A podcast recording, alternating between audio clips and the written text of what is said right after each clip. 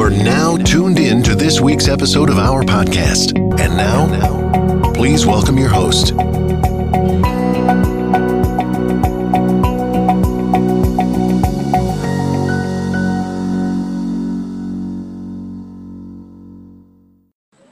All right, okay. Yeah, Hello, Mario.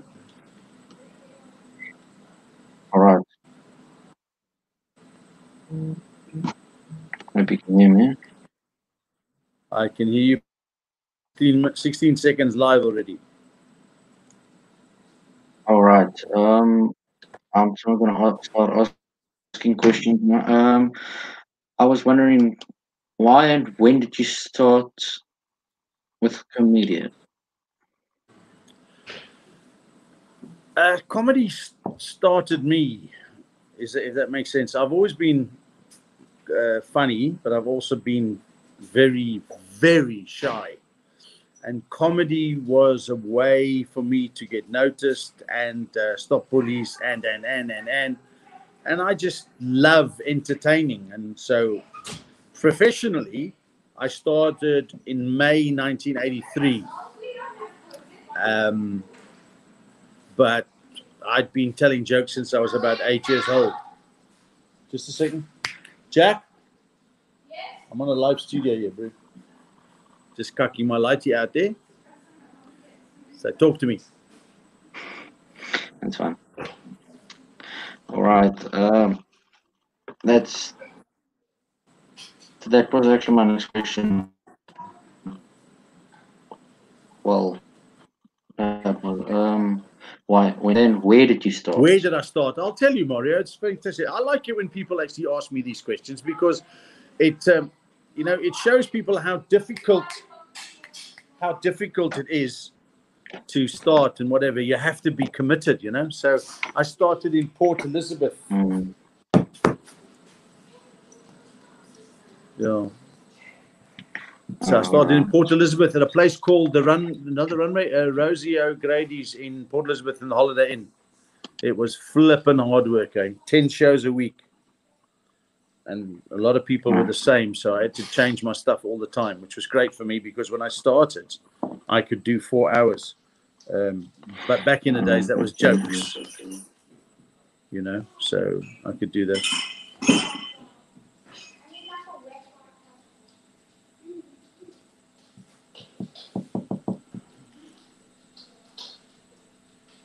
You're sideways now, Mario.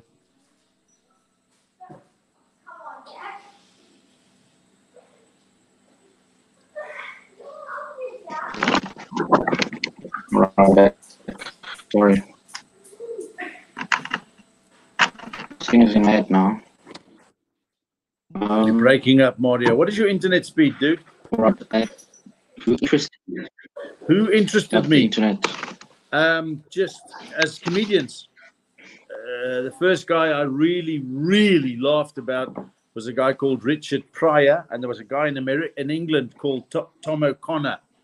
My brother bought a, um, my brother bought a, an LP once of Tom O'Connor, and I listened to it um, non-stop for a full weekend, from Friday to Monday morning. I just didn't stop. My- and my cousin. So and then I could I could uh, do it verbatim after that. So Tom O'Connor, yes, and then Richard Pryor was my um, go-to guy because he was just brilliant. And of course Billy Connolly. Wow. And I worked in I was working in England, and Billy Connolly. I opened I opened up four shows for him, and um, he came to me after the third show and said to me, "Dude," basically in this broad Scots accent, he said to me, "I'm extremely funny, but I must stop telling jokes. You must just start talking about life." And that's what it is. So I, I tell this everybody. So Billy Connolly doesn't realize it, but he changed my life. You know, made a plan. So I I listened to what he said, and here I am, 38 years later, still working.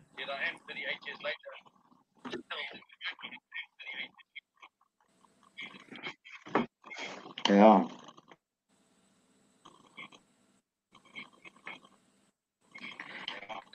And I ask, I was you born in Zimbabwe in 1956.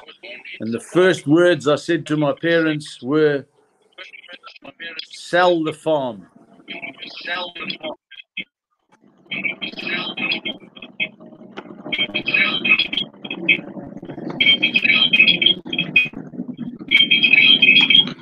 Oh, it's echoing.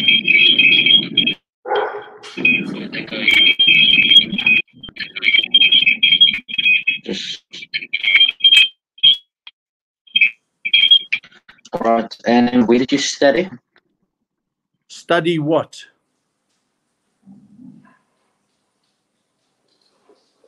You don't study comedy.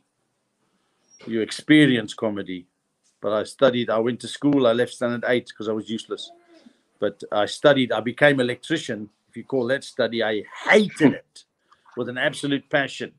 But you don't study comedy, you actually learn by experience and making huge mistakes and dying on stage.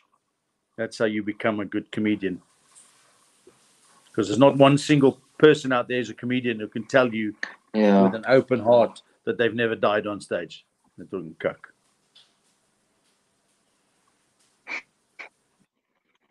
Hmm. I don't know if, if I asked who inspired you. Yeah, well, my brother actually, Mm. my brother was the one who kept on, my late brother, who told me all the time, Baz, you're so funny, you should be on stage. You should be on stage. So the primary thing came from my late brother telling me. And because he, my late brother was extremely funny, but he was only funny to me Mm. Because he told a joke to me that was on the next level that the average person wouldn't have understood. So most of the jokes he told me were like, you know, like those jokes you, t- you chat with your friends about. So my brother inspired me, and we did a lot of stuff together. He was great, but he was just he was too shy. He was just too shy to come on stage. So there we go. Uh, yeah. Hmm. And what's your favorite joke to tell people? the newest one I've got. every every all my jokes, I love my jokes. I love my jokes all the time. In fact, I'm doing a course now to help people like yourself because you seriously need. Are you there? You've gone? I'm doing a course now to show people how to No, create their own jokes. Wouldn't that be cool? Yeah, that would be cool. Well, I'm doing it. It's coming out in January. It's called Barry Hilton Talk Funny because everybody wants to. So everybody wants to be the person that people that have a laugh cool. at at a braai. Everybody, do you remember sitting with your friends, your family, or whatever? And all of a sudden, out of the blue, you said something that was in the conversation, and everybody just rolled around hysterically laughing. You've got to tell me that that is the best feeling you've ever had in your life. So everybody wants to, to be funny. Everybody, Mm. even sour people, want to be funny. Yeah.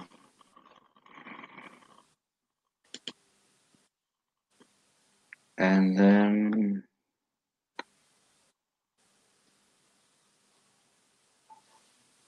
there's another one.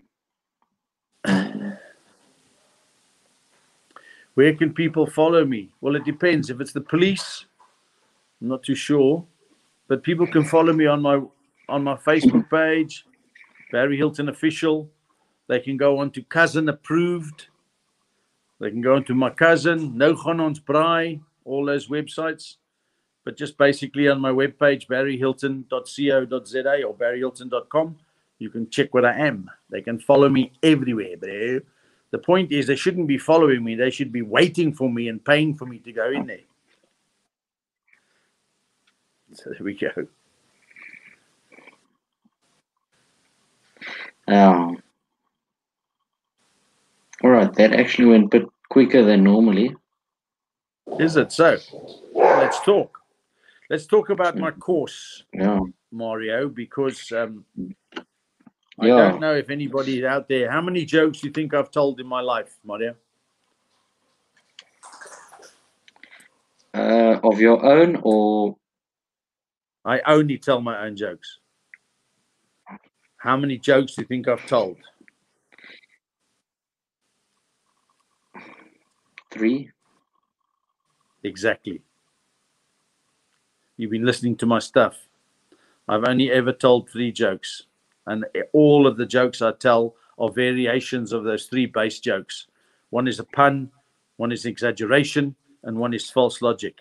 That's why I can actually share my secrets with people like yourself.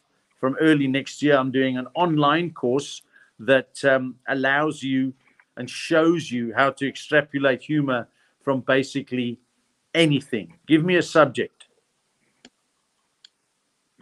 Give me anything. Um.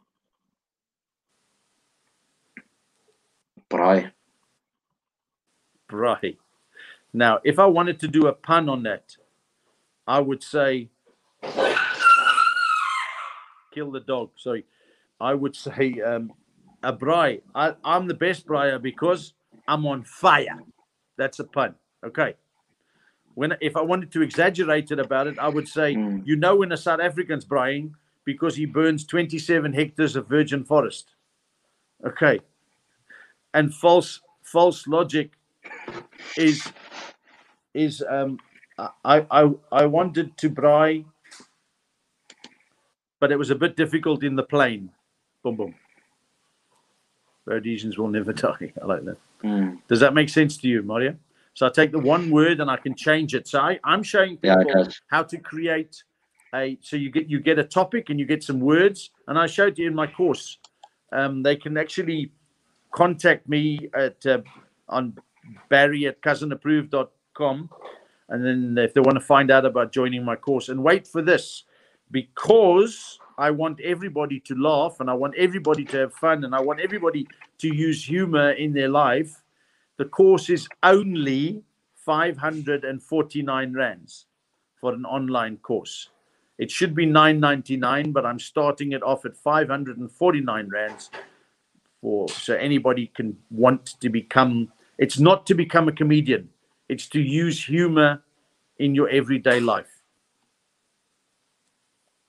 My brother phoned me once. My brother was dying, unfortunately. My brother had cancer, and he told me something very sad, and I turned it around to help myself.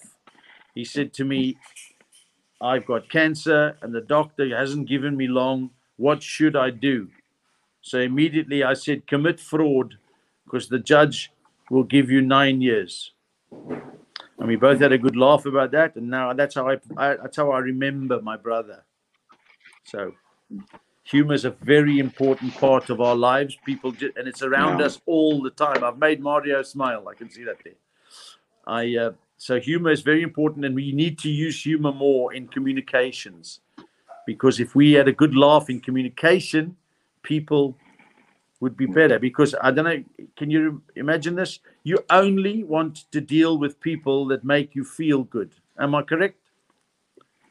You don't want to spend your time with pupils. Yeah. You want somebody that uh, is makes you laugh and makes you feel good. So there we go.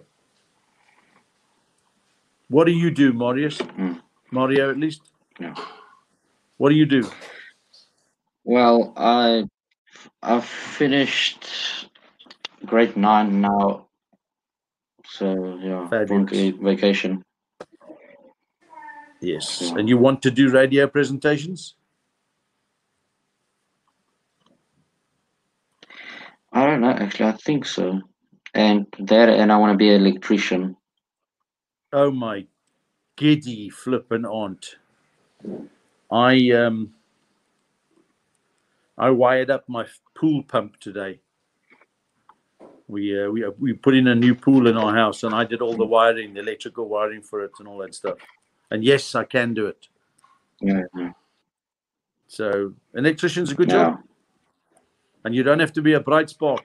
Oh no, or Eskom or Eskom. But if you want to be an electrician, the money's not good, but the the the, the money is a laugh. It's in fact it's a current joke. Okay. Yeah. Okay, my friend. All right. Anything else? I appreciate your effort reaching out to me, Mario. I have a job. Carry on working. Is that cool? You too. Thank you.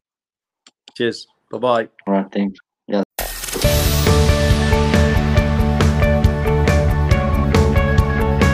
This week's episode has come to an end. But the fun doesn't have to stop here. If you have any questions, suggestions, or feedback, head over right now to Twitter and Facebook and like, share, and get involved. Join us next time.